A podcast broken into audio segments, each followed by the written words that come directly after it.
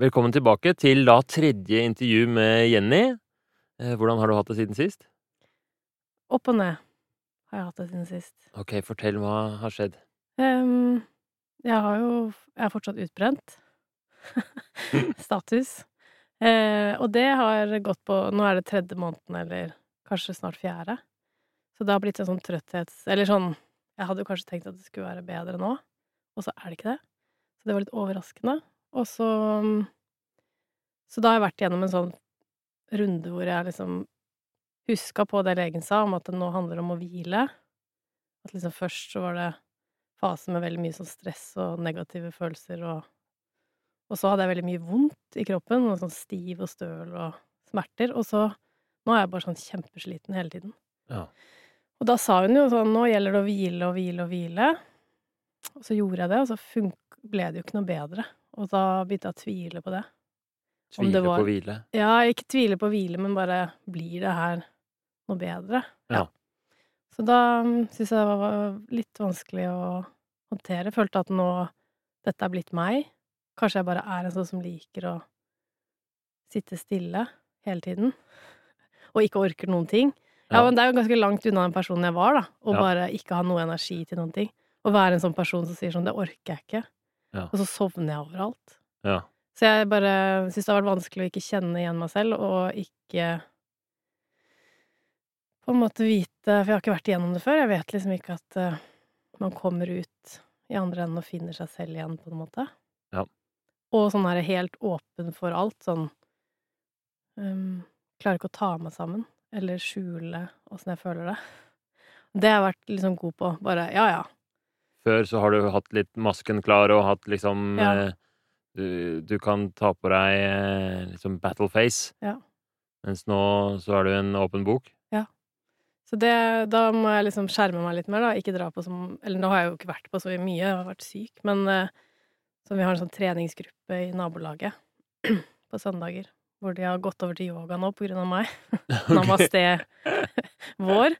Og det er veldig hyggelig, men der er det jo også krevende å komme fordi eh, Ja. Det Mm. bare er eh, Det syns veldig godt på meg hvordan jeg har det. Og sånn har jeg ikke hatt det før. Og det er jo en positiv ting å ikke bare ta på seg for mye. Det er jo det jeg på en måte har gjort, da. Pressa meg mye mer enn jeg kanskje skulle. Men eh, det er jo ganske langt unna den personen jeg har vært, det jeg Ja. er nå.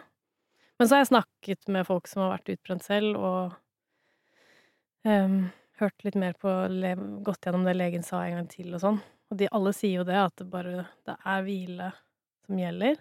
Og at det er litt sånn annerledes enn en sånn depresjon eller At det liksom ikke Det er ikke bare å liksom komme seg ut og opp og Det er, ikke, det er liksom Kroppen trenger å bare hvile òg.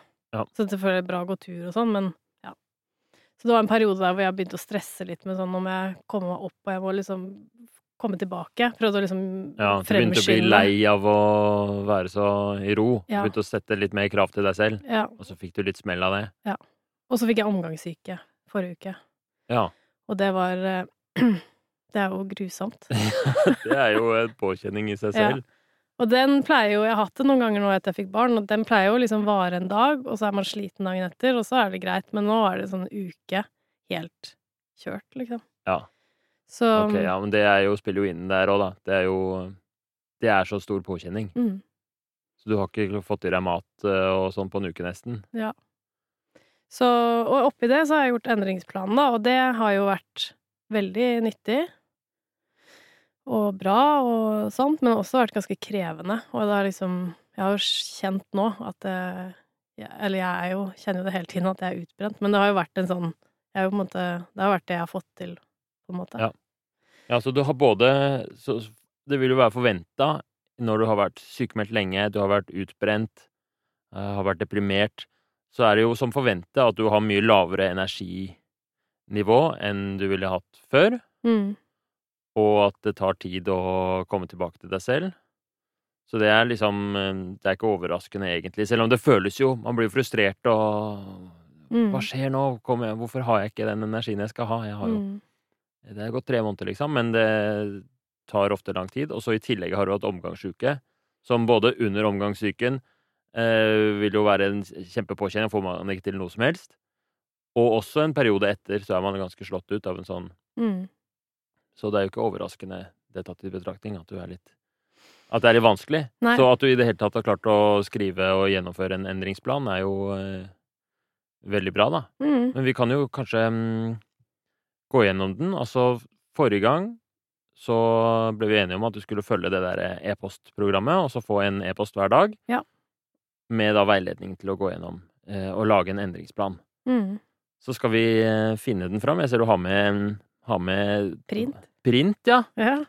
Hvor mange sider ble den? Tre. Tre siders endringsplan. Det er knallbra. Ja, to og en halv. Vi begynner med eh, punkt eh, Punkt én, da. Skal vi ikke bare gjøre det sånn? Eller har du noe sånn overordna du vil si om det å lage endringsplan, og hvordan var det?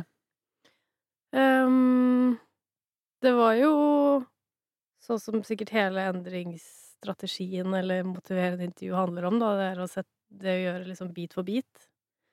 Så det var jo overkommelig i den forstand at det var liksom en Du satt på en puslespillbrikke hver dag, som var veldig bra. Og så var det jo noen dager hvor jeg slo det sammen, liksom. Ja. Jeg fikk ikke tid, eller orka ikke.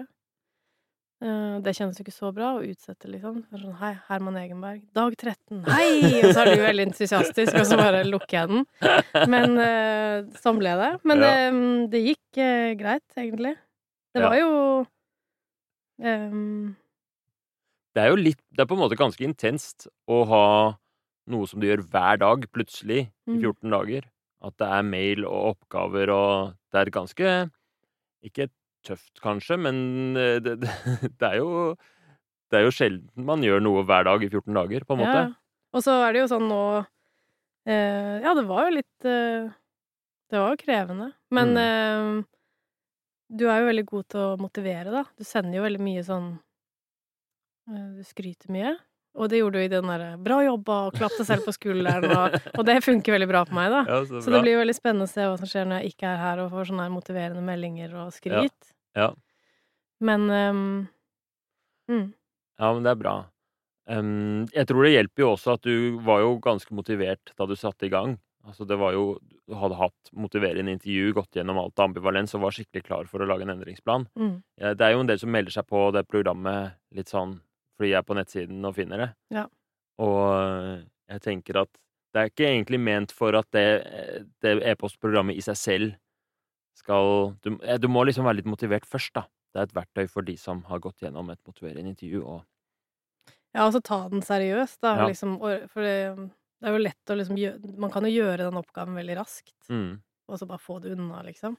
Men det å på en måte dvele litt over det og mm. endre litt på den og Det har jo vært nyttig Ja. Og behandle det som et viktig dokument, på en måte. Ja. Ja. Ok, så det starter med at på den første dagen så får du en mail hvor det står hvor du får link til en mal. Og det er en mal for endringsplan med de punktene nedover. Og den er på eh, eh, den, Hvis noen har lyst til å se på den nå, så er den på nettsiden min, hermanegenberg.com. Nederst så er det noen ressurser, blant annet denne malen. Um, og punkt én på den er å lage en visjon. Har du lyst til å, å si litt om hvordan den eh, ble for deg? Um, jeg leste jo Jeg tror jeg leste en eh, referanse Du hadde vel noen eksempler? Ja. Jeg tok egentlig bare utgangspunkt i den, og så prøvde jeg å liksom lage den litt sånn lik Mm. i på en måte form. Og så bare putta jeg min egen visjon, da. Ja. Og um, tok med meg det som du sa om at det, det som satte um, følelser i gang hos meg, handla om barna og familien og sånn, da. Bare mm. huske på å ha det med. Og så skrev jeg den i to omganger, da. Først så skrev jeg den raskt, på en måte, eller sånn For det var jo det det sto. Bare sleng ut noe. Dette kan vi fikse senere. Mm. Og så på et eller annet tidspunkt i den endringen i de to ukene, så gikk jeg tilbake til den. Ja. Stemmer, Stemmer ikke det? Jo, det stemmer at du får eh, det er liksom to oppgaver som handler om å bygge den visjonen. For det tenker jeg er litt viktig. Ofte så når man lager en plan, så blir man veldig opptatt av å, å sette seg et mål. Og det er fort gjort at man eh, på en måte vært, man er motivert og sånt nå, så bare setter man i gang. Men å, å bruke litt tid på å sette en visjon Altså, visjon er kanskje et ord som kan virke litt eh, litt abstrakt og litt lite konkret. ehm, men jeg, jeg, jeg, jeg syns det hører veldig med å ha en sånn overordnet visjon for en endring, sånn at du får litt på plass hvorfor du gjør det. For det er så fort gjort at det går, det går noen uker, og så plutselig så har, du, har, man, har man omgangssyke, da, ikke sant? Og så Da rakner alt. Da rakner jo alt, Ja. ikke sant? Og hvis man da øverst i endringsplanen, når du går tilbake til den, ser ok, hvorfor er dette viktig for meg, og bare for Har du lyst til å lese er Syns du det er for privat, eller har du lyst til å lese opp? Jeg kan godt lese. Det er jo meningen at en sånn visjon skal liksom Du skal prøve å lage noe som vekker litt følelser, er litt visuell, så det skal jo være skikkelig ekte, da. Ja. Telefonen har ikke makt over meg lenger. Jeg har sluttet å være avhengig av telefonen min og ta aktive valg rundt telefonbruk. Jeg tenker ikke på den når den ikke er i bruk, glemmer den bort og får aldri lyst til å ta den opp i ledige stunder. Jeg er en person som er til stede der jeg er, enten det er egen tid eller sammen med andre. Jeg vil være til stede med barna mine og vil være et forbilde for dem, slik at de også kan få et godt forhold til skjerm selv. Jeg er en avslappet person som har tid og overskudd til andre, spesielt familien min. Fy søren, jeg får lyst til å eh, få makt over min egen telefon også. Jeg syns det er veldig bra. Eh, Hvordan føltes det å skrive denne og lage den? Um, nei, det var uh, Jeg blir jo veldig motivert av den, da. For det er jo en person jeg har lyst til å være. Ja. Så det er jo, men, eh, det er jo målet, da. Mm. Um, samtidig som uh, jeg, synes, jeg strevde jo litt med at jeg følte at den ikke var svulstig nok, hvis du skjønner. At det var veldig sånn Telefonen har ikke makt over meg lenger. At den liksom Men jeg, jeg fant ut etter hvert at sånn, jeg er jo ikke en sånn Jeg, jeg er ikke så Ja. Uh, Det må, det må en Det må jo være din visjon, på en Ja. måte, og det passer til deg. passer til meg. Og denne her syns jeg var helt passe svulstig. Mm. Og det er et, et Altså, um, det er veldig mange som snakker om eh, om skjermtid og redusere skjermtid.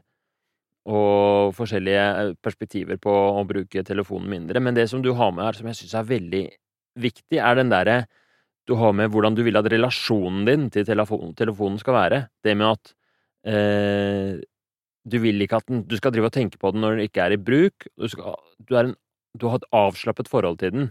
Mm. Ehm, så det får du liksom fram her, og det tror jeg hjelper veldig. Det er ikke bare sånn 'jeg skal bruke telefonen lite'. Da får jo den Hvis du leser det, så får man jo en tanke om at telefonen er veldig viktig, Mm. men du Det her handler mer om liksom hva slags forhold du vil ha til den, mer enn liksom konkret. Det eh, Det tror jeg eh, er noe av det som bidrar til at du syns den er motiverende, da. Mm. Og så er den veldig visuell og veldig eh, Veldig tydelig, på en måte. Og den har med barna dine, den har med, den har med alt. Så da får du litt følelser når du leser den. Du syns den er motiverende å gå gjennom. Absolutt. Ja, det er kult. Noe mer om eh, visjon er det, Var dette nytt for deg å, å skrive noe sånt? Var det, Minna det noe om du hadde gjort før, eller var det sånn veldig utafor komfortsonen? Det var ikke utenfor komfortsonen. Jeg har jo gjort mye sånn visualiseringer i studiet og sånn, men eh, ikke Det var veldig personlig, da. Det er interessant du sier at i, som arkitekt så er det mye visualiseringer. Kan du si litt mer om hvordan det Nei, altså, man ser jo Det er jo veldig mye beskrivelser og Og i studiet så er det jo veldig mye Du skal jo formidle hva du tenker. Så det Vi skriver jo veldig mye sånn Ja, om hvordan liksom ting skal oppleves. Fordi du får ikke bygd det du tegner på studiet. Eh, og det må man jo også til kunder. På, du må jo klare å formidle det du har i hodet. Ja, det gir mening. Nå skjønner jeg litt hvorfor du tar denne her så lett, fordi jeg tror mange sliter med å kanskje se liksom, jeg skal lage en visjon, men for, en arkitekt så Du kan ikke bare sette i gang og bygge huset. Du må ha en veldig klar plan og eh, bilde av hvordan det skal se ut. Og det Mm. går kanskje flere ledd. da Først så lager du en slags sånn visjon, tegning, og så etter det så lager du en helt sånn konkret plan for hvordan det skal bygges. Mm. Ja, det er jo ganske sånn likt. Eller det er jo Du bygger jo Det er jo en sånn eh, gradvis oppbygging av et prosjekt som Mm. går liksom fra start til tegningsslutt, og så begynner man å bygge, da. Ja. Og da må du ha med deg mange folk på veien. Du kan Ja. ikke sitte alene med det. Det er, det, I arkitekturen så virker det så åpenbart at det er et godt verktøy. Mm. Men det er litt interessant at når mennesker skal gjennomføre en endring, så har vi en tendens til å bare hoppe over hele den prosessen og Ja. bare ta med noe plank ut på byggeplassen og bare la oss se hvordan dette går. Ja. For en arkitekt ville det vært absurd. Mm. Eh, det var interessant. Så gøy at vi, den første endringsplangjennomgangen er med en arkitekt. Ok, da går vi til punkt to. Hva er det for noe? Liste over ressurser jeg har. Som da er mennesker eller eksisterende vaner eller noe sånt, har jeg Ja. forstått det som.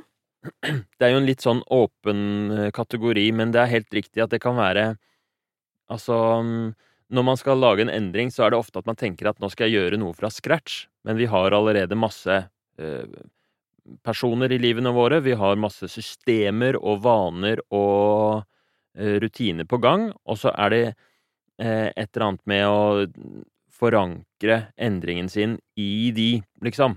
Mm. Så vil du si litt om hva du, hva du skrev der, eller hva du hadde med i den delen? Ja, da har jeg med tre eller fire personer, da, som er med meg i endringen. Og så en eksisterende vane som jeg har. Ja, Ja. Det finnes sikkert masse mer greier, som du sier. da. Man har jo sikkert masse systemer jeg kan lene meg på. Men en Jeg har med KK, da, mannen min, som er veldig kritisk. ja, det var morsomt å lese. Ja, han er jo jeg kan, Skal jeg lese det? Ja, du kan lese Han er med meg i hverdagen og, gir meg støt og kan gi meg støtte og kritikk. Det vil være vanskelig å jukse, for han ser meg hele tiden.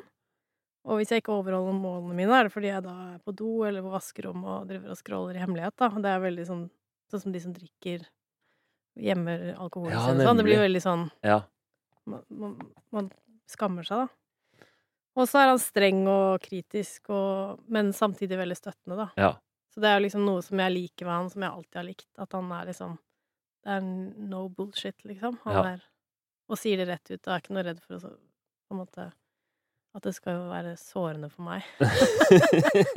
Han mener at det må du tåle, og dette vokser du på. ja. Ja. Ja, nei, fordi jeg husker da jeg leste det, så var det sånn øh, streng, kritisk og støttende. er ikke egentlig positivt, men jeg kjenner jo mannen din også veldig Ja. godt. Og jeg også, når jeg leser det, så får jeg sånn varme. For det er sånn Det er så gode egenskaper, egentlig. Mm. Uh, Ja, han kan jo Altså det, det, han, det er jo veldig mye omsorg bak det. Og Mm. det er jo en veldig interessant Han er, han er på en måte som har vært veldig sånn interessant. Så det, det Jeg tenker grunnen til at dette er viktig for å gjennomføre Man har et mål om å gjennomføre en eller annen endring. Også hvorfor er det vits å snakke med eh, Snakke om liksom personene man har i livet. Men jeg tror et eller annet med hvordan du tenker om Hvordan skal denne endringen gjennomføres med tanke på at eh, mannen min er sånn og sånn og har disse egenskapene og sånt nå. Eh, jeg tror det har veldig mye å si å tenke over det, fordi eh, skal man fortelle om endringen? Skal, det er så mye, man kan få så mye hjelp og drahjelp av å få noen med på laget. Eh, og man kan også Det kan også mm, Grunnen til at det er lurt å reflektere over det, er at hvis det bare blir sånn at man i en sånn eh, håndvending sier 'jeg skal slutte med det eller det', så kan den andre personen hjelpe på en måte som ikke er konstruktiv. Mm. For eksempel hvis um, Hvis man uh, Det er særlig vanligvis vikt- vanlig hvis sånn slutte å snuse og slutte å røyke, og den andre personen er sånn eh, Nei, nei, du må ikke Du må ikke slutte å snuse. Nei, du må ikke snuse. Og det blir sånn at den personen heier så mye på det at hvis du snuser, så får du dårlig samvittighet overfor den personen. Da kan det komme en sånn um, trass i deg som gjør det vanskeligere å slutte å snuse. Mm. Ga det mening? Ja, ja. Så i noen, eh, noen familier og sånt nå, så har man gjort det motsatt. At eh, man, må, man må i endringsprosessen snakke med ektefellen og si at du, du trenger ikke å heie så mye på slutt å snuse. Det er nesten bedre om du gjør motsatt, Mm. og er sånn som eh, Du skal ikke ta deg en snus, da. Ja. Ikke sant? Eller sånn som du sa før vi starta her, at din mann hadde vært litt sånn Ja, ja, ha, du har telefonforbud, jeg kan sitte og ja. Flaks at ikke jeg har det. Nå Ja. kan jeg kose meg her. Ja. Mm. Ok, det var et lite em, po poeng. Hvordan var det å liksom uh, Hvordan var det å gjøre den delen her, med liste over ressurser jeg allerede har? Um, nei, det var uh, Jeg følte jo hele tiden at det er noe jeg ikke tar med, eller noe jeg ikke har Det føltes liksom bare så åpenbart å nevne de, og at det var liksom Ja. Ja. Jeg vet ikke. Det var mer sånn konstatering, kanskje. Du har, du har disse tre eh, Du har eh, mannen din, og så har du en venninne, og så har du eh, snakket litt om barna dine, Ja. og hvordan de er inspirerende og, og sånt noe, og så har du skrevet opp en eksisterende vane du hadde fra før. Mm.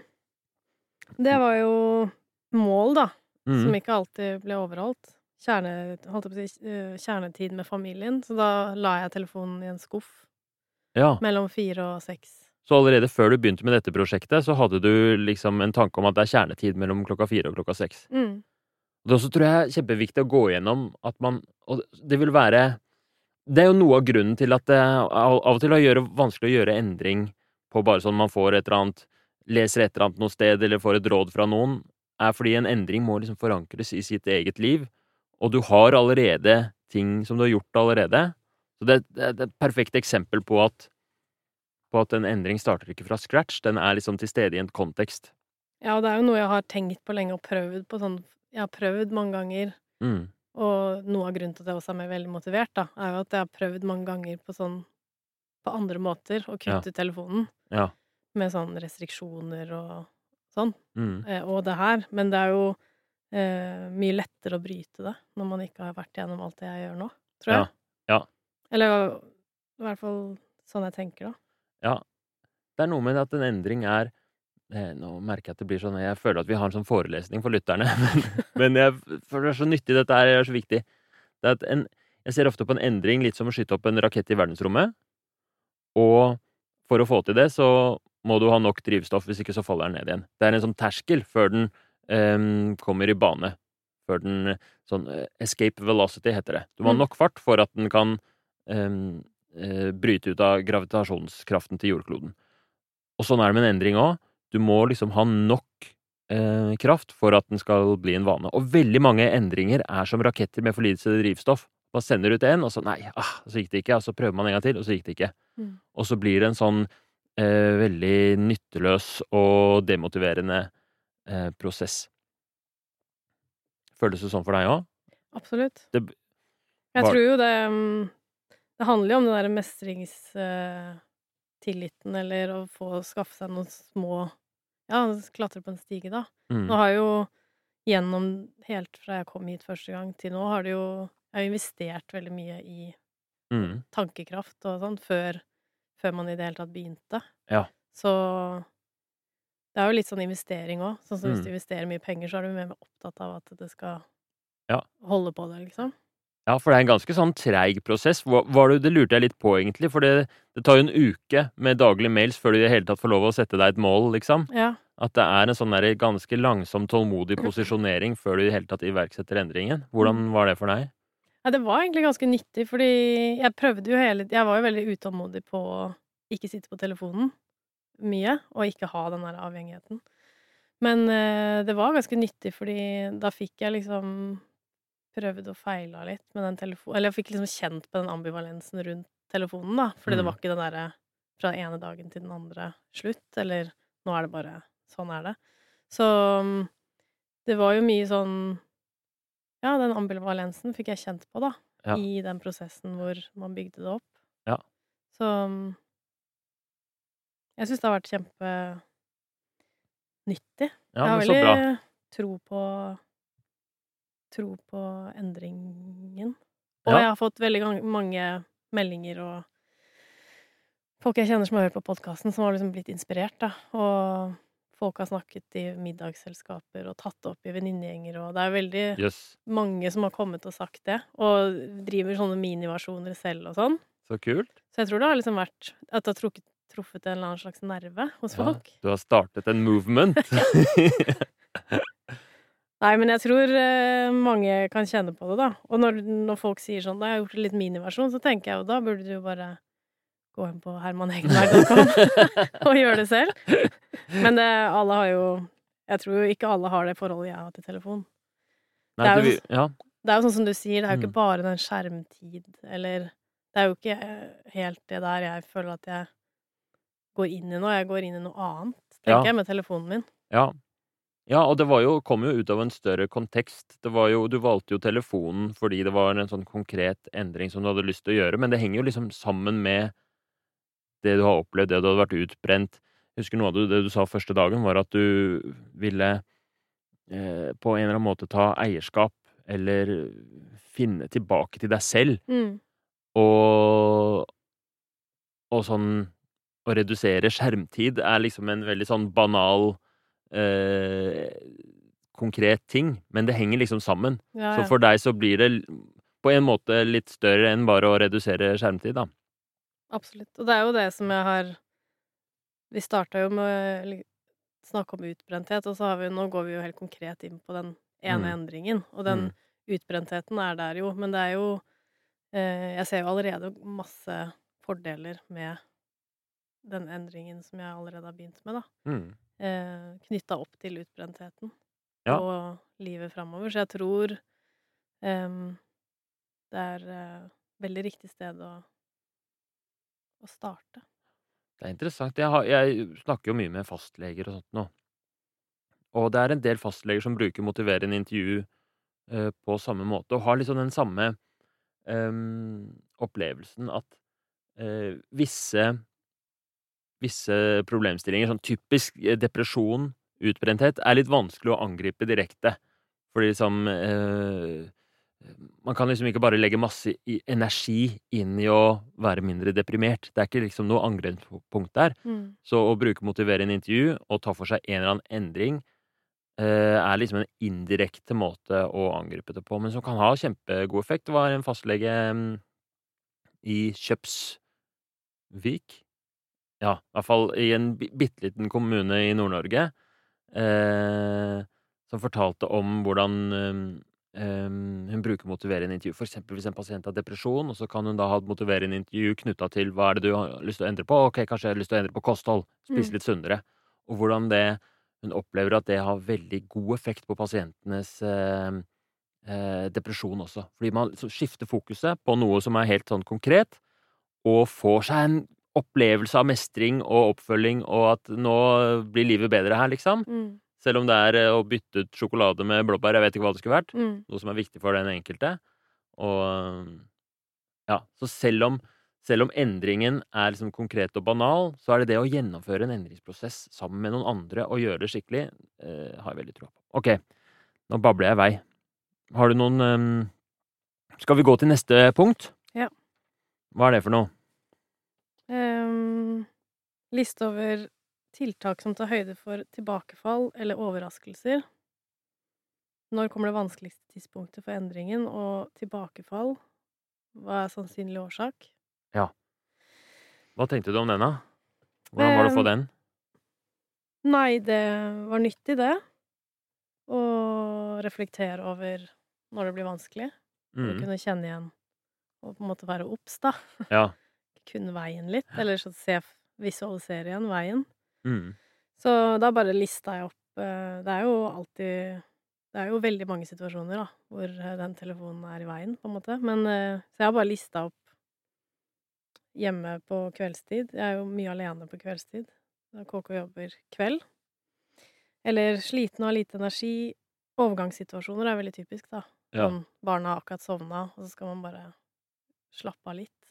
Og så blir Mm. man sittende der litt for lenge. Så stjeler det på en måte Ikke at jeg skulle liksom gjort så mye Helst ikke så mye effektivt, da, men det tar på en måte Det stjeler tiden som man kunne brukt på noe Jeg vet ikke. Ja. Og i um, trikk og buss og tog og Eller i bilen. Og om morgenen og kvelden, da, når jeg er trøtt og sårbar ja. mot uh, Og på kvelden, da, rett før jeg skal sove. Og så jeg, etter jeg fikk omgangssyke midt i endrings... De to ukene jeg drev med det her, så skrev jeg opp syk, fordi Mm. Det var bare sånn helt Da var det vanskelig. Ja, ja. Ja. Jeg syntes så synd på meg selv, og da var det bare rett inn på, Mm. inn på nettaviser, liksom. Det der med at man blir syk, det er et så viktig poeng. Jeg tror det er så mange treningsplaner, så mange nyttårsforsetter som går i vasken Akkurat når man der, får den influensaen, Ja. liksom. Du har fått til, du har satt deg mål, skal trene minst to ganger i uka, og dermed basta. Og så blir man sjuk en uke. Selvfølgelig kan man ikke trene den uka. Nei. Men så er det sånn, man har ikke tenkt på det, man har ikke noen plan for hvordan man skal forholde seg til det, så da Mm. tenker man nei, nå gikk det til helvete. Da er det Mm. ikke vits. Mm. Unnskyld språkbruken. Men det er jo sånn som jeg eh, jeg, har, jeg har noen jeg kjenner som syns det er vanskelig å holde seg unna sukker. Mm. Og de også beskriver sånn Kanskje spiser eh, Når de først har spist litt sjokolade, så kan de like godt spise hele. Ja.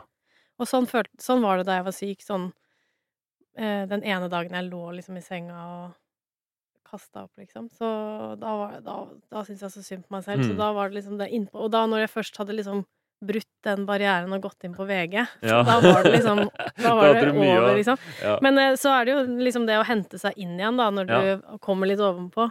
Og da Ja, hjalp det jo å ha den her, da, for da kunne jeg gå tilbake og hva er det jeg dreiv med før jeg ble syk? Ja. ja, for da kom du tilbake liksom midt i en prosess, og det var lettere å komme seg på toget igjen, liksom. Ja. Og det var interessant at du da At du gikk inn tilbake og la inn syk, altså Ja, I store bokstaver. jeg tror det er jo Mm. den mm. Um, Og så har jeg skrevet at uh, sannsynlig årsak til tilbakefall vil være når jeg skal tilbake i jobb, og hverdagen blir mer hektisk og stressende. Og jeg føler ikke den sykdommen, det var ikke noe sånn tilbakefall, for jeg klarte å hente meg inn igjen, på en måte, men hvis, hvis jeg bare ser for meg at jeg starter jobb og pendler og hele den pakka der, at det Mm. liksom man sakte, men sikkert sklir tilbake til at det vil være, det vil være et stort nederlag. Ikke det at jeg liksom en dag havner inn på VG, liksom. Ja. ja. Det er det er fint å reflektere over det. Hva er egentlig et nederlag? Ja. Fordi det er, det er så fort gjort å Det er et veldig godt eksempel det med at hvis man først spiser en sjokolade, og så var det nederlaget. Og så på grunn av at du hadde et nederlag, så syns du så synd på deg selv at du tar hele greia, liksom. Ja. Så mm, Så det er ikke et nederlag å rote seg inn Alle kan jo rote seg inn på VG en dag, liksom. mm, Eh, Men, eh, men det som du ser på som du virkelig ikke ønsker at skal skje, er den der sakte, men sikkert skli inn i gamle rutiner. Ja. Og jeg har jo lagt merke til Det var en dag jeg skulle Jeg har fått tips fra en venninne som har vært utbrent, og gått til en psykolog. Og da skulle jeg ta tak i det og sende henne melding sånn Hei, har du tid til meg? Og så var det Det var et eller annet som skjedde. Da, jeg, da, jeg, da satte jeg meg opp og sa liksom nå skal jeg, nå skal jeg ta tak i ting på telefonen, svare på meldinger og gjøre de tingene, og så sende melding til den psykologen. Og så husker jeg ikke helt hva som skjedde, men det var et eller annet Kanskje jeg ikke hadde telefonnummeret, eller Mm. at jeg grua meg til å ta tak i det, eller noe sånt. Og så plutselig så fant jeg meg selv inn på VG. og det var bare sånn Det var så tydelig for meg, Mm. den flukten, da. For nå Ja. hadde jeg satt meg ned for å liksom gjøre det. Ja, Og så var det litt motstand, litt ubehagelig. ja, det var ubehagelig. motstand og Mm, ubehagelig, og jeg hadde ikke lyst til å ta tak i det da. Istedenfor å bare ok, mm. legge det bort og så bestemme meg for da tar jeg tak i det i morgen, eller Mm. liksom hvordan skal jeg forholde meg til det her. Så bare Det letteste da var å begynne å gå på Mm. VG. Og da, på en måte, da følte jeg at, jeg, eh, at noen åpna døra, og så sto jeg der med spritflaska, liksom. Det føltes veldig sånn eh, og, Men det var jo mer en sånn der Og da gikk jeg jo ut med en gang, og så fortalte jeg det til KK, og han lo masse. Og Mm. at det var bare en sånn påminnelse om den der, de der fluktrutene, da. Ja. Um, som jeg sikkert uh, gjør mye av, og som er veldig typisk for kjedsomhet eller Ja, kult. Og det sier noe om at målet ditt er, handler ikke bare om å ikke være på VG, fordi det er én ting, men du har jo også lyst til å gjøre noe med den der responsen, eller det der ja. Det sto noe i visjonen om at du ville ha et avslappet forhold til det. mm. At uh, man bryter noen sånne rutiner som er uh, Som jeg ikke tror Og det er jo, det er jo litt sånn her eh, interessant, det med å gjøre en endring. Jeg tror jo man kan gjøre en endring, men jeg må jo også ta tak i hvorfor Altså hvis man bare fjerner Fjerner spriten, da, Mm. så er mest sannsynlig grunnen til at man drikker fortsatt der. Ja. Så man må jo liksom gå og angripe fra flere sider. Men det med den telefonen for meg nå, som jeg har tenkt mye på sist, um, er jo at den åpner jo opp for hvile. Eller den, den nå som jeg har fått Jeg har jo fått et mye mer avslappa forhold til telefonen min allerede. Og det gir meg mye det, det gir meg mye liksom kraft inn i å bli bedre fra utbrentheten, da. OK, hvordan da? Nei, fordi jeg har um, Sånn som det å ikke sjekke telefonen før åtte, som jeg har som en Det kommer vi tilbake til, da. Men uh, at jeg ikke sjekker den på morgenen eller kvelden, og at jeg legger den bort og tar den opp og liksom forholder meg til de tingene som er der. Det har hjulpet veldig mye for sånn bare energibruk i hodet. Mm. Sånn Én ting er eh, nettaviser og bli kvitt den der nyhetsstrømmen og derre Det har jo vært veldig Det merker jeg jo veldig godt at det er bra for meg. Men en annen ting som var overraskende, var jo de der små meldingene som jeg bare leste på morgenen, sånn fra en venninne som er hyggelig. Sånn 'Hei, Mm. hva tenker du om det? Skal vi ha avtalt noe?' Eller Ja. Og så har man ikke tid til å svare med en gang, og så begynner, begynner det å surre og gå. Ja, så det er hele tiden sånne tanketriggere, sånne context-switcher, Ja, som man blir utsatt for hele tiden, ja, og som er slitsomt. Det kommer jo Det er veldig forskjellig fra person til person. Noen takler det, eller har veldig sånn derre hjerne som funker godt til å legge noe vekk og så ta det opp seinere, men Mm. for mange Jeg også syns det kan være vanskelig å få ja Jeg kan bli helt oppslukt i en sånn melding, og kan være, selv om jeg nå skal jeg jobbe, liksom, men så får jeg Mm. melding om fotballkampen eh, på søndag, liksom, og så begynner jeg å tenke på ja, men da må jeg bestille bord her. Ja, ikke sant. Og, den, og, og det er en annen ting, det derre at Google er så kort unna. Mm. Og at uh, man bare At det er så lett å gå inn og, og bare google noe hvis du lurer på noe. Ja. Eller uh, bestille noe. Du har liksom hele tiden kort vei til å på en måte fikse masse ting, og at man egentlig ikke trenger å alltid være effektiv eller på, liksom. Det der å være aktivert, da. Det Mm. aktiverer meg veldig lett. Mm. Fordi um, Så det ved at når du har tatt mobilen og fått deg noen vaner, ikke, leser, ikke se på mobilen på first thing in the morning, ikke siste før du legger deg, det har effekt som du merker på utbrentheten. Ja, I at du har mer energi. ja, eller at jeg får til hvile, da. Ja. Mer. Jeg får hvilt mye mer, og jeg får eh, Ja. Eh, den å koble helt av og Mm. faktisk få hvile. Sånn som vi har snakket om tidligere, at jeg har jo trodd at jeg har hvilt før. ja, Med å sette seg ned i en stol, og fordi det er jo deilig å, å sitte og se på ting og være på YouTube, og det er jo liksom sånne ting som gir meg masse også, på en Ja. Så jeg har liksom lurt meg selv litt. Men jeg merker jo nå når jeg har kobla av, at eh, hodet har veldig godt av å få fri, da. Hva slags hvile er det du får nå, da? Hva er det Bare sånn eh, em, At jeg ikke får At jeg ikke vandrer vekk til å Man sitter og tenker på noe, og så Ja. Og det var de billettene, ja. Og så går jeg inn Den avbrutte mm. Eller får en melding, og så svarer jeg på den. At uh, nå som jeg har Nå legger jeg jo telefonen bort et par timer, liksom. Mm. Og da Ja, får um, Får liksom tid til å tenke på ting. Eller ja. det er bare, det har bare åpna opp til å bare ha Ja. livet der, da, istedenfor Og det er jo sånne ting som Jeg er jo egentlig ikke så overrasket over det, for da jeg slutta med sosiale medier, så var det jo mange ting jeg tenkte at jeg kommer til å savne. Sånn som for eksempel å følge med på hva vennene mine gjør. Mm. Og da, den tiden jeg gikk av, så var det veldig vanlig å oppdatere veldig mye Mm. på hva man gjorde.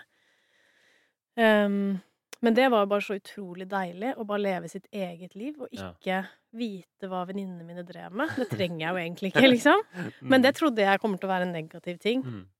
Um, og sam, samme er det jo nå med med Ja, at, at de meldingene fra venner og Mm. bekjente som er veldig hyggelige, har egentlig vært veldig deilig å bare ikke ha tilgang til alltid hele tiden. Ja, at du tar det litt når det passer. Ja, og, og den derre at det er sånn smarttelefonen, liksom, som du Mm. alltid kan vippse, og du kan alltid fikse alt hele tiden. Mm. Og det tror jeg spesielt i den eh, småbarnsgreiene. Du har jo alltid en eller annen Det er alltid noe vintersko, eller alltid noe skjerf, eller noe sånt som Ja. mangler, eller Ja. eh, noe, noe greier du må fikse, eller Og det er jo liksom det å alltid være på hele tiden. Mm. Um, og som jeg fikk av legen min som sånn hjemmegjøremål, sånn ikke alltid ta med deg noe Ikke alltid gå ut med søpla. Bare, kan du, bare, bare gjør én Mm. ting av gangen. Du trenger ikke å være så effektiv. Ja. Og det er jo liksom det samfunnet vi lever i, da. At man skal fikse alt, og du kan kjøpe alt hele tiden, og du kan sjekke alt hele tiden, du kan snakke med Ja. hvem du vil. Det å bare være i sitt eget liv litt, gir mye Mm. hvile, da. For meg. Ja, ja, men jeg tror det uh, for deg, men det det er jo forsket litt på hva som er liksom, energigivende hvile.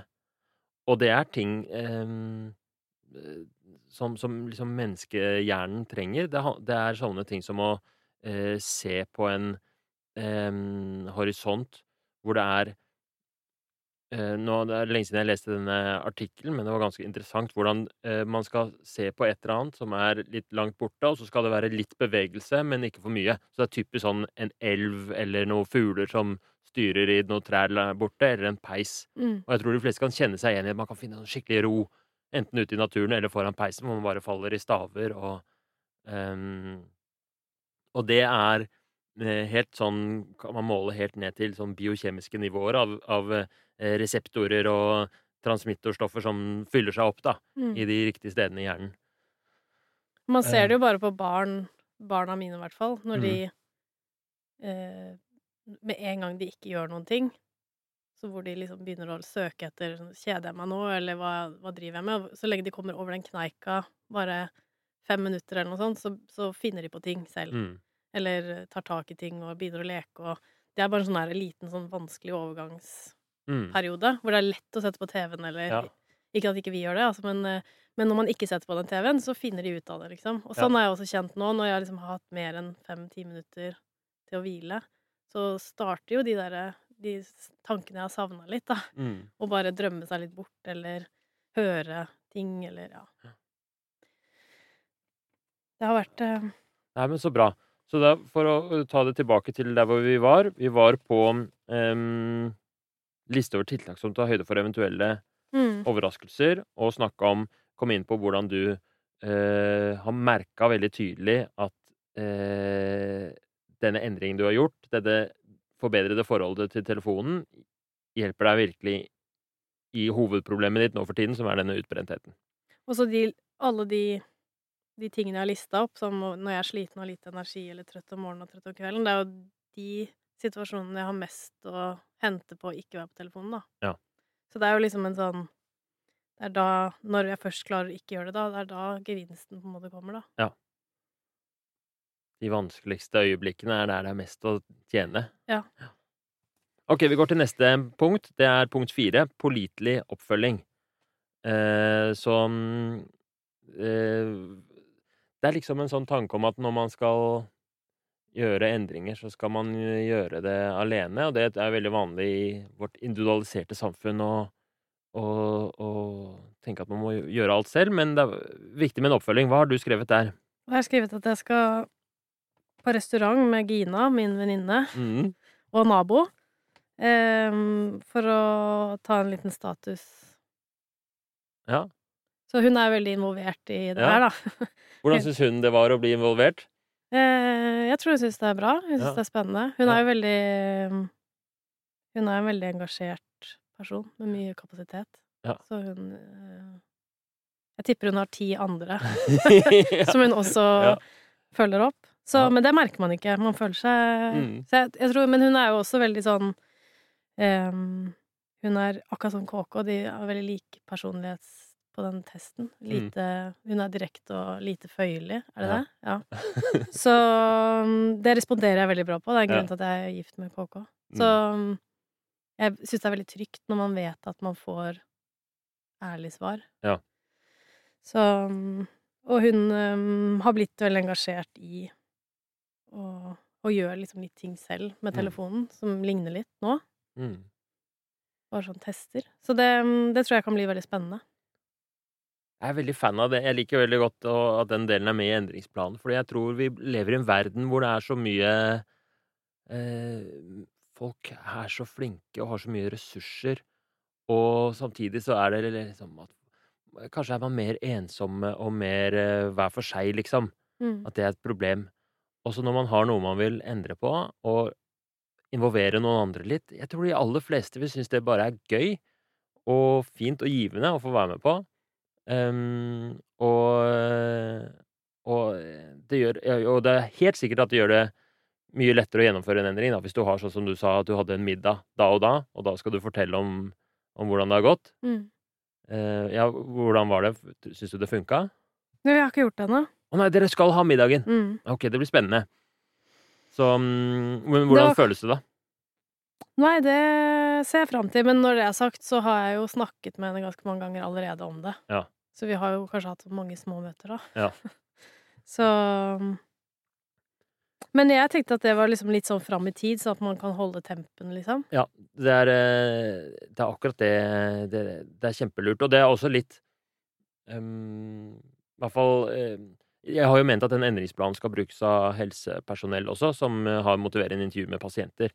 Og Og det er jo en veldig effektiv bruk av, eh, av eh, folks ressurser, da, hvis man klarer å At ikke all oppfølgingen skjer hos eh, For eksempel, la oss si man går til fastlegen og får hjelp med å å, et, å komme i gang med trening, eller drar til sånn frisklivssentral. Mm. Man så fort som mulig får kobla til eh, venner og familie, liksom. At Ja. de også er på. Jeg tror det er veldig lurt. Jeg har jo kjent på det med den utbrentheten at Legen min har jo vært god som altså, vi tar en måned av gangen, så jeg har blitt sykemeldt en måned av gangen. Og det er jo veldig fint for å kjenne på Jeg blir jo stressa opp imot uh, legetimen, Mm. fordi jeg, hittil har det ikke vært sånn derre Jeg har ikke følt meg noe bedre, så Mm. det har vært veldig stressende. Så da har det vært bra at det har vært en måned av gangen, så at jeg får virkelig liksom Mm. roa ned. Men så har jeg jo savnet også å snakke om det. Som nå Så jeg har jo hatt flaks at jeg har venninner som har vært igjennom det samme, som da kan si sånn Mm. Det er hvile som gjelder, tro meg, jeg har vært Mm. igjennom det. Eller jeg er der nå, eller ja. Mm. Så det å ha andre ressurspersoner i tillegg til lege er jo Mm. um, viktig Eller det har i hvert fall vært viktig for meg. Ja. Og det vil være veldig forskjellig Nå snakker jeg også til leger og medisinstudenter og sosionomer og sånn som jobber med det her, da, men det vil jo være veldig forskjellig fra folk. Noen har jo masse ressurspersoner, andre Mm. andre har veldig svake sosiale nettverk. Mm. Så, og, så det blir jo en kartlegging av det også, som man må ta hensyn til. Hvis en person eh, hvis en person ikke har noen eh, familie eller venner som de kan støtte seg på, så holder det ikke med en gang i måneden Absolutt ikke. Så eh, Greit. Da går vi videre til punkt fem, og det var spennende. Da begynte vi å sette, eh, sette eh, mål. Smarte delmål. Eh, husker du hva SMART står for når det kommer til mål? De der eh, Spesifikk, Ja, hva betyr det? målbar. Det at den skal være Så når man setter seg et mål for hva man har lyst til å utrette, så må den være spesifikk. Hvorfor er det viktig? Nå ble det plutselig at det ble sånn eksamen av deg. Jeg prøver å tenke. Nei, eh, Mm. spesifikk Nei, fordi Nei, det vet jeg ikke. Ja, for hva, hva er typisk en sånn um, Det som fort kan skje, er at folk setter uspesifikke mål. At folk setter seg som mål, for eksempel hvis man skal kutte ned eh, telefontiden, så er det sånn Jeg skal kutte ned telefontiden, Mm. og så ferdig med det. Um, og eh, det er masse forskning som viser at eh, å sette seg mål som er alle disse følger disse akronymene, um, er, er effektive, da. Så spesifikt Ja, det uh, Så for, for telefontid og sånt noe, så Vi kan jo gå gjennom målet ditt, og så kan vi se om det var spesifikt målbare, akseptable. Ja. Så du hadde et um, delmål som hadde kort tidsfrist først, som du satte på én dag. Hva var det for noe? Ikke lese nettaviser. I, ikke sant? Og det er meget spesifikt. Ja. Så det er helt åpenbart om du har um, um, uh, uh, Altså, du har for eksempel kalt det nettaviser istedenfor å ikke lese aviser. Hvis det hadde vært ikke lese aviser, så ja, hva, hva med papiraviser? Er det lov eller ikke lov? Mm. Uh, så enkelt og greit. Um, og så er det målbart. Det er helt åpenbart en, en advokat kan komme og se at, om det har vært tilfelle eller ikke. Så det er M-en. Og så er det A, akseptabel. Det er ofte litt sånn eh, eh, overflødig, fordi når du setter et mål selv, så vil det alltid være akseptabelt. Men når man setter mål sammen med andre, la oss si en sjef og en ansatt setter et mål sammen, så er det viktig at det målet er akseptabelt for den ansatte. At den, den er i tråd med begges, alles eh, eh, verdier og visjoner, liksom. Mm. Eh, og realistisk, det er den aller, aller viktigste, syns jeg. Og det er den folk flest bommer på. At man setter seg urealistiske mål. Mm. Jeg syns nesten realistisk er feil ord, fordi det burde ikke være realistisk. Det burde være sånn pinlig enkelt å gjennomføre. Ja. Så det er det jeg gjør aller mest, og det sier jeg til alle medisinstudenter nå, at de må halvere pasientens ambisjon. Etter ethvert sånn motiverende intervju så er man gira og motivert, og man setter seg altfor høye mål. Mm. Det er så vanskelig for folk å eh, sette seg realistiske mål. Det er, vi, er, vi er jo mennesker, skapninger, fylt med håp og vilje og ønsker og fantasi om at livet kan bli bedre. Mm. Men den håpet må vi stagge litt i akkurat denne fasen, da. Mm. Så jeg skal ikke lese nettaviser til i morgen. Eh, føltes det realistisk da du satte det? Ja. Ja. Det var enkelt. Mm. Og så er det tidsbestemte. Det lå jo i oppgaven i seg selv, da, men jeg skal ikke lese nettaviser, punktum. Eh, vanskelig å følge opp. Det må være en eller annen tidsfrist på det. Og eh, ofte så kan sånne smarte delmål eh, Hvis man bare driver med det, så blir det litt sånn eh, kjedelig. Det er derfor det er så fint å ha en visjon på toppen. De to tingene spiller veldig fint sammen. Så en visjonen kan godt være uspesifikk, abstrakt, eh, hårete. Ikke sant? Jeg vil være en person som aldri er Ikke sant? Man kan ha den tanken i hodet, og så kan man samtidig sette seg et mål at fram til i morgen så skal jeg ikke se på nettaviser. Og Mm. sammen, en hårete, viseral, viktig visjon, sammen med noen sånne veldig konkrete, smarte delmål, kjempepinlig lette, det blir eh, suksess. Ok, så du hadde en, et ukesdelmål også. Vil du Mm. si litt om den?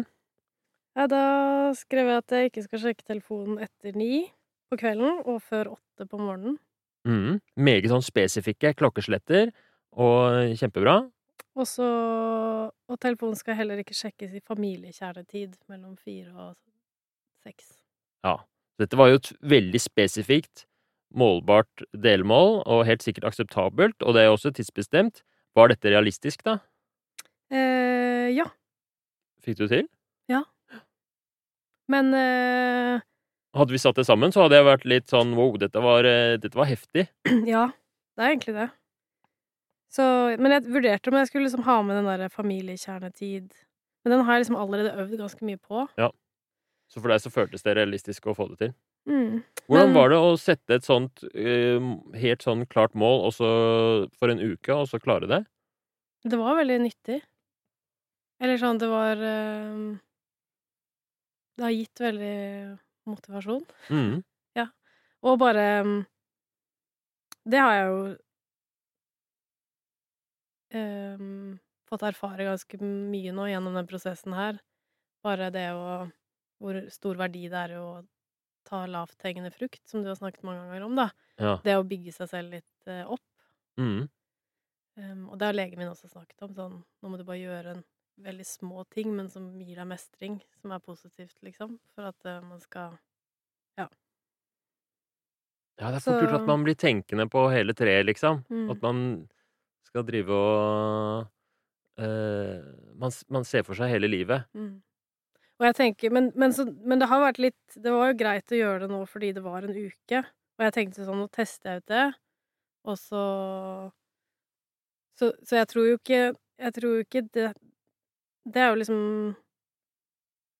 eh, Det delmålet her, med ikke etter ni og ikke før åtte, og ikke mellom fire og seks Om det liksom skal være sånn skrevet i stein Det er ikke, det er jo ikke sånn at det, det er det som er svaret mitt nødvendigvis på å ikke være avhengig av telefonen, men det er en vei dit for å kvitte meg med den der avhengigheten, da. Og det syns jeg er litt lettere å forholde meg til enn sånn resten av livet, så skal jeg ikke sjekke telefonen da. Ja.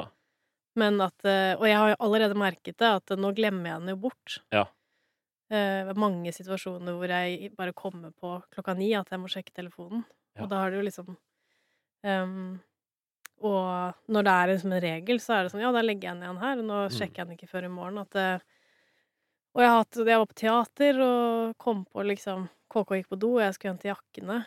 Og kom ikke på før jeg satt på toget at jeg ikke hadde tatt opp telefonen etter at teatret var ferdig. Og det er jo sånn, det har jeg aldri gjort før. Jeg, Ja. den, den er liksom automatisk oppe når jeg sto i kø. Jeg var kjeda meg ganske Mm. mye Mm. da jeg sto og venta på ting.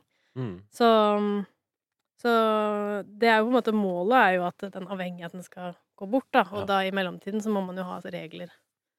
Men det er et Så- kjempeviktig poeng, fordi det du sier, er at eh, dette delmålet ga veldig mening i og med at det var begrensa til en uke, og det var et prosjekt, det var et eksperiment. Og å- å å holde, forholde seg til de timene var ikke nødvendigvis mål i seg selv. Mm. Fordi det som er veldig vanlig, er at folk blander litt sammen. Hva er det som er mål? Øh, eller hva som er liksom et konkret delmål? Hva er visjonen min? Hva er det jeg ønsker å få ut av dette her?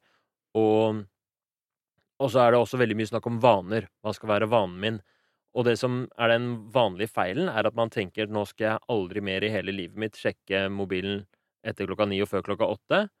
Og så føles det veldig bra i en uke, og så plutselig skjer det noe som gjør at det ikke blir vanskelig. Eller du går og sånn Nei, jeg, eh, jeg må sjekke, men jeg har ikke lov. Mm. Og så blir det derre forholdet til mobilen blir sånn Det er noe som er akkurat utenfor reach, men som du egentlig ikke har lov til. Og da blir du mer interessert i det. Mm. Det vi ønsker å oppnå, er akkurat det du har fått til. Da. Det med at den plutselig ikke er så viktig lenger. Du glemmer den litt. Mm.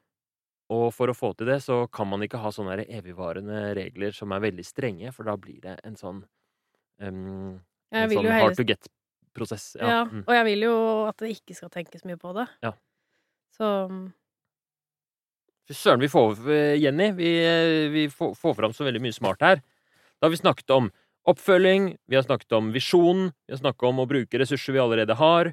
vi har snakket om å, å mm, ta høyde for tilbakefall og overraskelser, så fikk du en oppgave som handlet om å visualisere. Ja. Eh, vil, du, s- eh, vil du skrive svaret ditt på den eh, Eller fortelle hva du svarte på den visualiseringsoppgaven, og så si litt hvordan det føltes? Skal jeg lese det jeg skrev? Ja, gjør det. Jeg syns det var så fantastisk eh, god visualisering. Eh, Jeg sitter hjemme på kjøkkenet en lørdag morgen med fyr i peisen, en avis og en kopp kaffe. Jeg har på meg deilig loungewear og lodne sokker.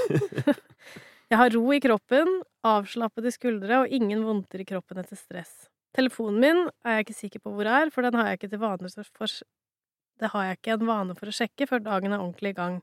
Og det tar litt ekstra tid i helgen. Hverdagen er ikke så ulik beskrivelsen over. Jeg har litt mindre tid, men har fortsatt tid til en rolig morgen. Så dette var et herlig bilde. Det er, det er, dette er også noe jeg sånn ofte savner i liksom spontane endringer.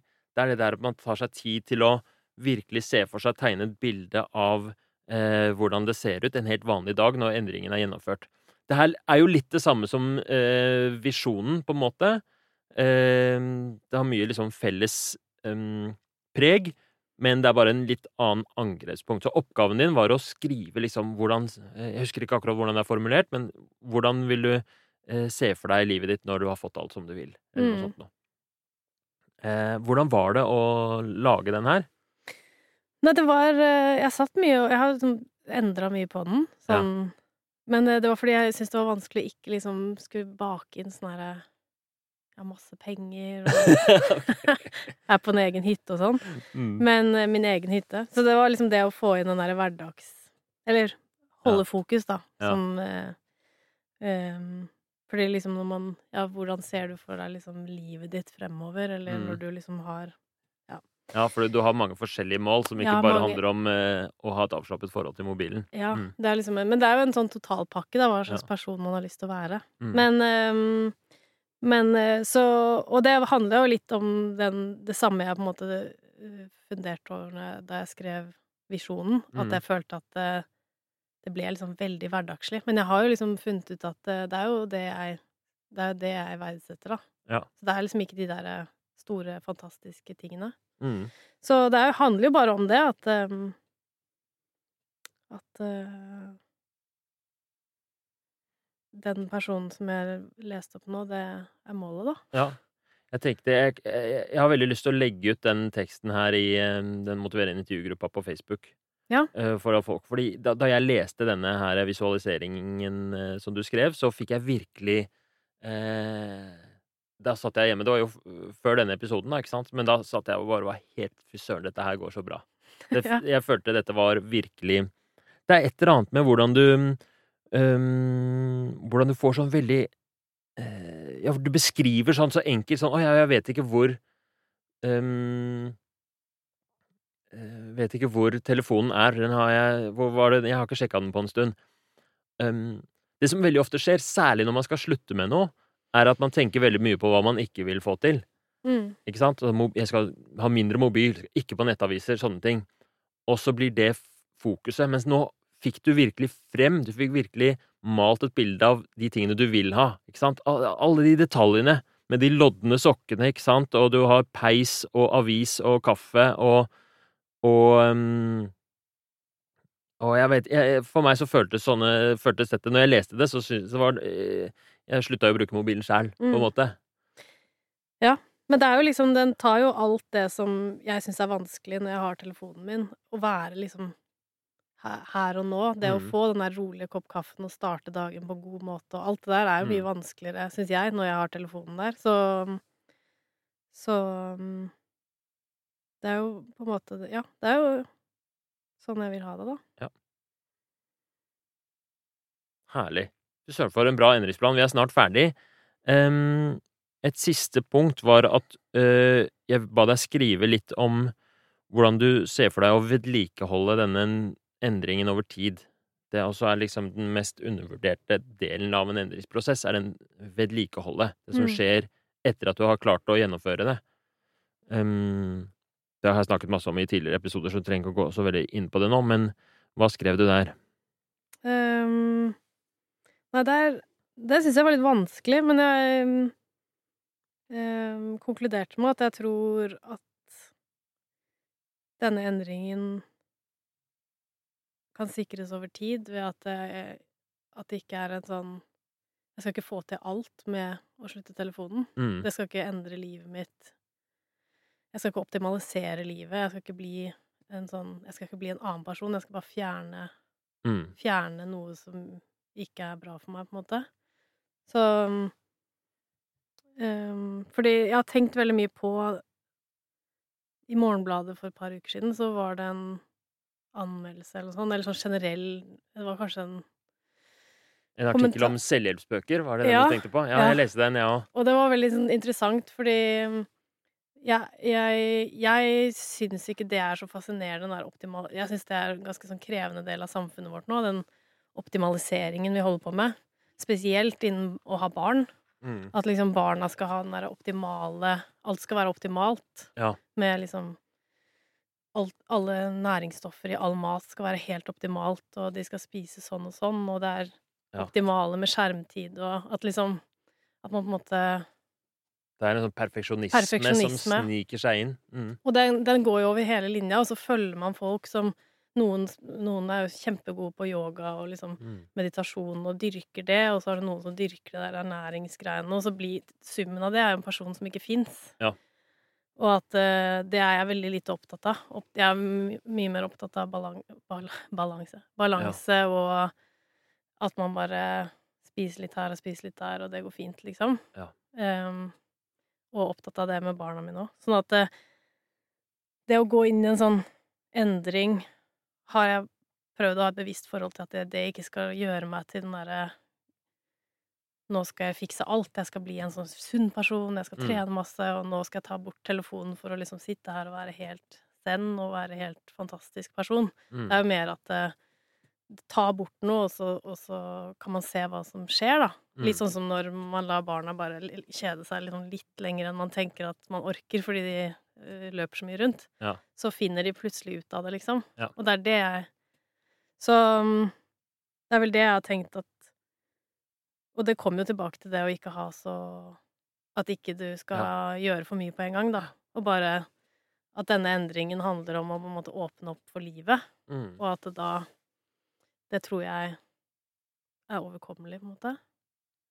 Jeg likte veldig godt det liksom svaret på oppgaven. Fordi det, eh, det var et åpent spørsmål om vedlikehold, og det var ikke sikkert eh, Det var ikke det svaret jeg så for meg, men det du, det du har gjort, egentlig er å, å runde av hele endringsplanen på slutten der med å ta det tilbake til hva det virkelig handler om.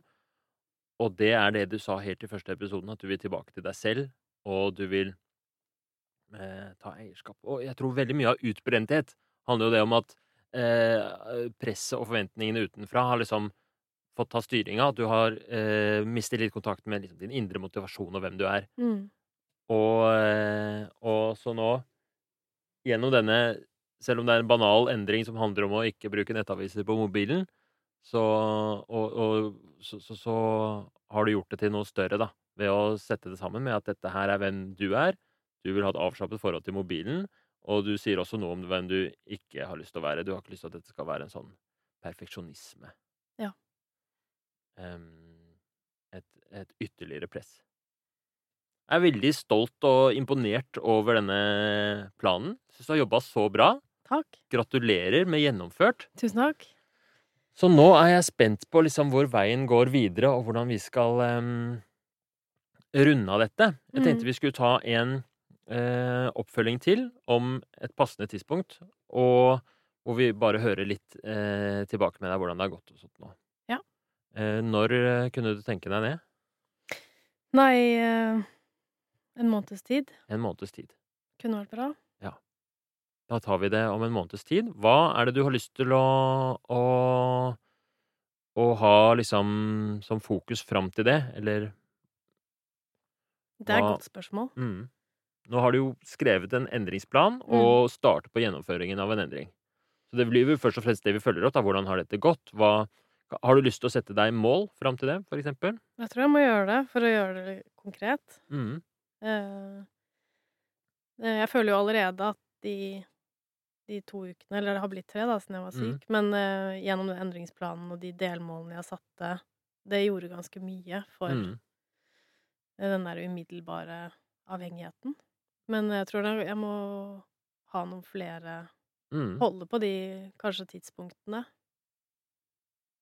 Jeg vet ikke. Ja. Hva tror du? Eh, nei, jeg tenker at fire uker er ganske mm, Det er ganske lang tid. Mm. Så mm, det er egentlig Jeg syns fire uker er nesten i grenseland for hva Man kan eh, ha et Ja, et enkelt mål på fire uker er nesten litt Jeg liker mye bedre kortere. Mm. Så mål for én uke av gangen. Men da må jeg bare fundere på det, da. Hva Ja. jeg skal ha som Så det er kanskje å ha et sånn veldig konkret mål om tidspunkter eller sånt noe hadde øh, vært Men det, det jeg godt kunne tenke meg, er øh, Det hadde vært veldig fint å få øh, Også for lytterne Det er jo en del som følger med på den der øh, motiverende intervju på Facebook-siden. Nå er jo ikke du på Facebook, da. Nei. Men du kan jo sende til meg, og så kan jeg legge ut der en rapport på et eller annet tidspunkt innimellom. Ja. Eh, og så tar vi bare en kort avrundingssamtale her om fire uker, men at em, kanskje på midten der At det er målet, at du sender en rapport om to uker. Ja. Hva syns du om det? Det er fint. Hva skal jeg skrive da? Hvordan det går? Ja, hva liker du å ha veldig um, konkret eh, rapport? Skal jeg sende deg noen spørsmål som er veldig sånn svar på disse tingene? Ja, det er fint. Det liker du? Ja. ja. Ja, men det er bra. Da gjør jeg det. Det Da finner jeg fint. på noe Og så mm, tror jeg bare må ha noe lignende Jeg kan jo ha sånn ukes, ukes smart delmål av gangen. Eller? Ja. Så eh, jeg trekker meg litt på det, for jeg sa kanskje vi skulle ha et mål, men siden det er fire uker, og um, det syns jeg er for lenge til å ha et sånt eh, et konkret mål med oppfølging, så, så kan du styre det helt selv. Mm. Finne et eller annet system for om du vil sette mål med noen venninner eller noe sånt noe selv. Men det eneste målet eh, jeg syns vi skal sette, er den der rapporten. Rapporten. At jeg om øh, om, ikk- om to uker sender deg en rekke spørsmål, så i løpet av en dag eller to svarer du på de, og så legger jeg det ut på Facebook-gruppa. Har vi det som, eh, som mål. Ja. Eh, så kan det godt hende at jeg lager noen vriene spørsmål, da, med hvor du virkelig må jobbe, men eh, det får vi se. Det blir bra, det. Hva sitter du igjen med fra dagens eh, samtale? Eh, jeg er motivert. Jeg føler Nei, eh, det er veldig rart, fordi mm, fra første gang jeg kom hit, så er det ikke her jeg tenkte at jeg skulle være, på en måte. Eller jeg trodde ikke det skulle ende i em, noe så på en måte vellykka. OK? Jeg hadde ikke tenkt Ja, jeg, jeg, da vi kom Altså, første samtalen vi hadde, så var jeg sånn Ja, ja, det telefongreiene, det må jeg bare ta tak i, men det er jo ikke det Det jo ikke det som kommer til å fikse utbrentheten, på en måte. Mens nå er jeg ganske overbevist om eh, at dette her er riktig vei å gå, og blitt veldig sånn eh, Jeg føler at jeg har lært mye om å sette seg realistiske små mål, og lært mye om mestringstillit, eller Mm. mestringsopplevelser. Mm. Um, så Så det føles egentlig veldig bra. Så kult. Jeg er veldig Mhm. glad for at du har den opplevelsen. Det er veldig Ja.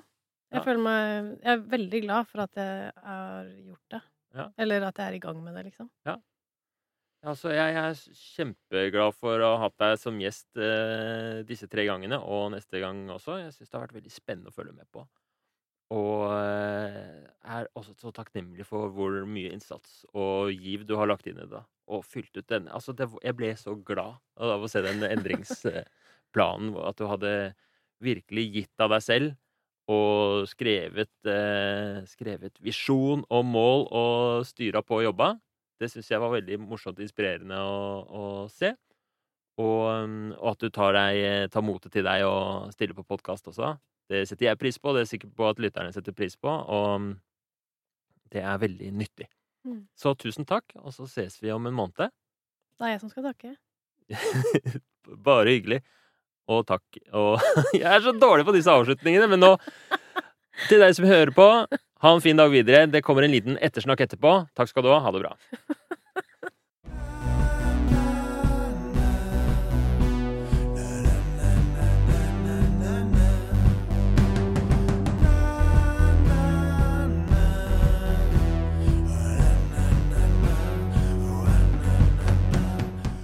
Ok, det var den episoden med Jenny, hvor vi har da gått gjennom endringsplanen som hun har eh, skrevet.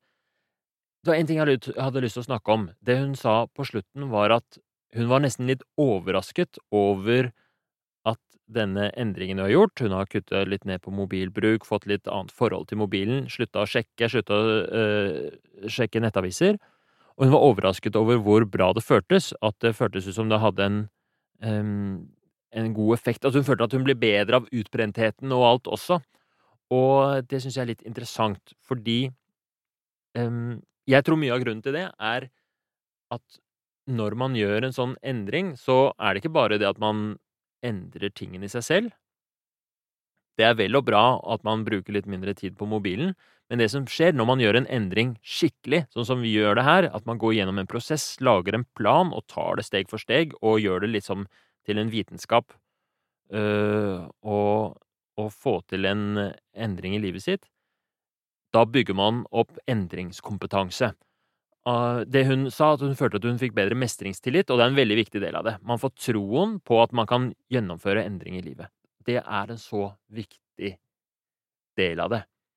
Jeg syns at øh, når jeg driver med motiverende intervju, så er det ja vel, det er fint at pasientene får seg sunnere liv, eller eh, at de slutter å røyke eller noe sånt, men det som er mest på en måte verdifullt, det er at de får troa på at de kan gjøre endringer. Hvis du føler at du kan endre på det du ønsker i livet, så får du et litt annet syn på livet. Da, da blir du litt mer fremoverretta. Da begynner du å tenke på ok, hva er, det, hva er det jeg vil neste, hva er det jeg, er det jeg ønsker, hvordan vil, jeg at livet skal være? Det er sånn, sånn som Jenny sa, det er så lett å bli litt sånn derre eh, litt, nedslått av livet, ikke sant, og tenke at jeg må bare gjøre som alle andre krever og forventer, og at man uh, havner i en sånn offerrolle, som Jenny nevnte, at det, liksom, det er så fort å begynne å skylde på alle andre. Og jeg tror at ved å klare å gjøre endringer, ved å bygge opp sin endringskompetanse, både troen på at man kan få til en endring, men også lære seg metodikken i det, lære seg at ok, hvis jeg hvis jeg overveier det skikkelig, hvis jeg bruker god tid på å utforske ambivalensen, hvis jeg planlegger det på en grundig måte, og hvis jeg gjennomfører det sakte og rolig med konkrete delmål, og hvis jeg passer på å vedlikeholde det før jeg går over til neste endring, da får du mye større ringvirkninger enn bare konsekvensen av den ene endringen i seg selv. Sånn til eh, dere som hører på, jeg eh, jeg skal spørre Jenny om, om, det er noe hun vil ta ut av den endringsplanen, eller om det er noe sånt noe, men jeg har tenkt å spørre om lov å få legge ut den endringsplanen hennes på Facebook-gruppa, som det er link til i beskrivelsen. Oppfølging, Motiverende intervju oppfølging heter den, hvis man bare søker på Facebook. Så det har eh, vært sånn tidligere at mange av gjestene har skrevet rapporter eller eh, litt sånn oppfølging om hvordan det har gått. Og jeg skal også få spørre Jenny, som vi ble enige om, at hun skal skrive en rapport om to uker, hvordan det har gått, og hvordan denne endringen har påvirket henne. Eh, så da kan dere uh, bli med den gruppa og, og, følge med på det. Til de av dere som har lyst til å prøve å gjennomføre en endring selv, så har jeg lagt mal til både til motiverende intervju, hvordan man gjennomfører et motiverende intervju, og mal til hvordan man lager endringsplan ut på nettsida mi, hermanegenberg.com, nederst. Det er, helt, det er Google Docs som er åpne og tilgjengelig for alle, så da kan du bare eh, hente din versjon. Og eh, dersom du har lyst til å gjennomføre en eh, endring fra start til slutt, du er litt motivert og du har lyst til å sette i gang, så kan du mm, melde deg på denne, dette e-postprogrammet som Jenny har gått gjennom. Bortsett fra det så ønsker jeg alle en fin dag videre. Nå kommer det en liten reklamesnutt for en, eh, en annen podkast som jeg kan anbefale ha en fin dag videre. I 2016 dukker det opp en kvinne i Arendal. Hun forteller at hun er kirurg og vil gjøre alt hun kan for å hjelpe. Jeg fikk jo da snapper daglig av henne på sykehus, i legefrakk. Men noe skurrer. For hvem er hun egentlig? Men har du hørt om lurelegen? Det er noen som bruker ufattelig mange timer bare for å gjøre livet vårt surt. I årevis har hun lurt menneskene rundt seg for penger, for dyr, og nå som lege. Jeg lå i fosterstilling i mange kvelder. Jeg blir litt sånn mindfucked. er det egentlig synd i henne, eller er det synd i oss? Men så bestemmer ofrene seg for å kjempe imot. Det ble opprettet flere Facebook-sider, og folk begynte jo å samarbeide. Vi åpnet et vepsebol av helt absurde ting.